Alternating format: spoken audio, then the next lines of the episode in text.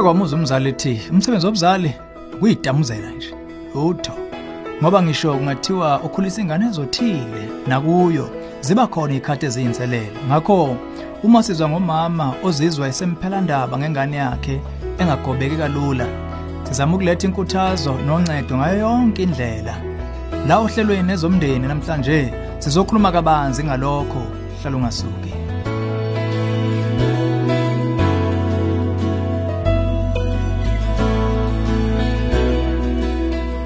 Ngithatha ithuba ngikubingelele ezomndeni uhlelo ukulethela izeluleko eziphathekayo ngaba ka focus on the family. Umama ubhekene nesikhathi esisindayo ngengane yakhe ubuze lo mbuzo. Likhona na ithemba kumzali wengane engagobeka lula?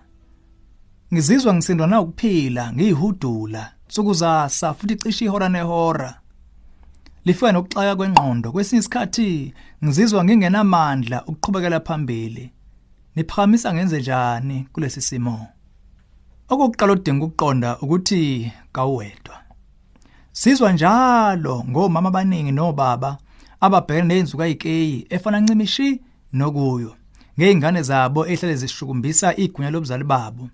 Hlehlehle bathi emndenini ewu85% imvamisa kuba nengane eyodwa ewuphondo kalugotshwa. Ngakho nanxa isimo sakho singabukeka singesahlukile qha. Kanjalo.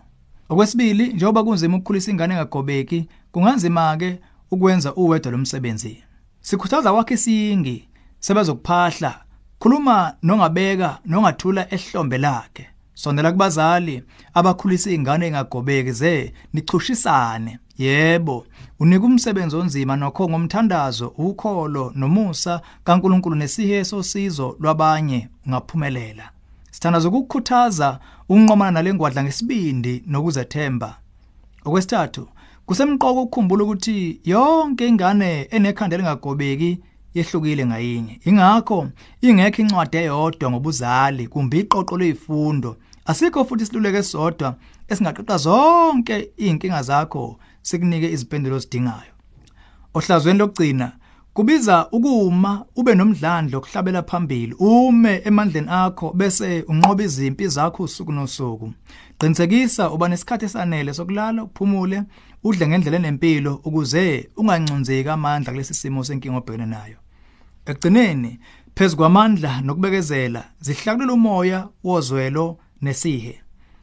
Nanxa lokungakumangaza isihe singayithuluza elinamandla ukugoba amashinga. Izingane eziningi ziyezinqobeke ekuboneni isihe nokuba umzali abe nokuqonda.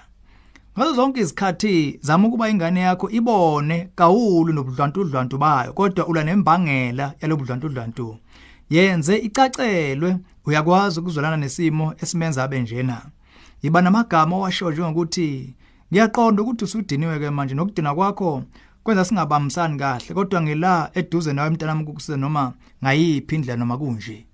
Indaba ezinhle ukuthi lesigaba kasikuba khona enginaphakade lezi ingane engagobekiyo nxa isakhula ukubuka kude kuveza ukuthi imvame ekhoweni kwazo eziningi ziyaguquka sigcine sezikubuka kunye nabazali bazo okwenza kube mtoti impilo.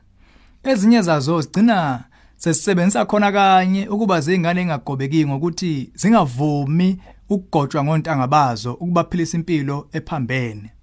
Kucace bha ukuthi wena ukhulisa omunye kwabaholi bekusasa. Ngakho qonga isibindi okwenza kusemqoka kubalekile futhi izinto zizoguquka. Uma uthanda ongakufunda okuyizinsiza thana shelele kuwebsite yethu uyothola indathane yezinsiza eziqondisiwe ebuzalini nemibhalo engezihloko zonke. Uhambo lungabuka lulude lunzima. Nokho qinisa inhliziyo bese uzama ukuyiphahla ngaba usizo kuwe nabakuthandayo. Lolu hlelo ezomndeni ulethulelwe yi-focus on the family sihlangabezwa ohlelweni oluzayo.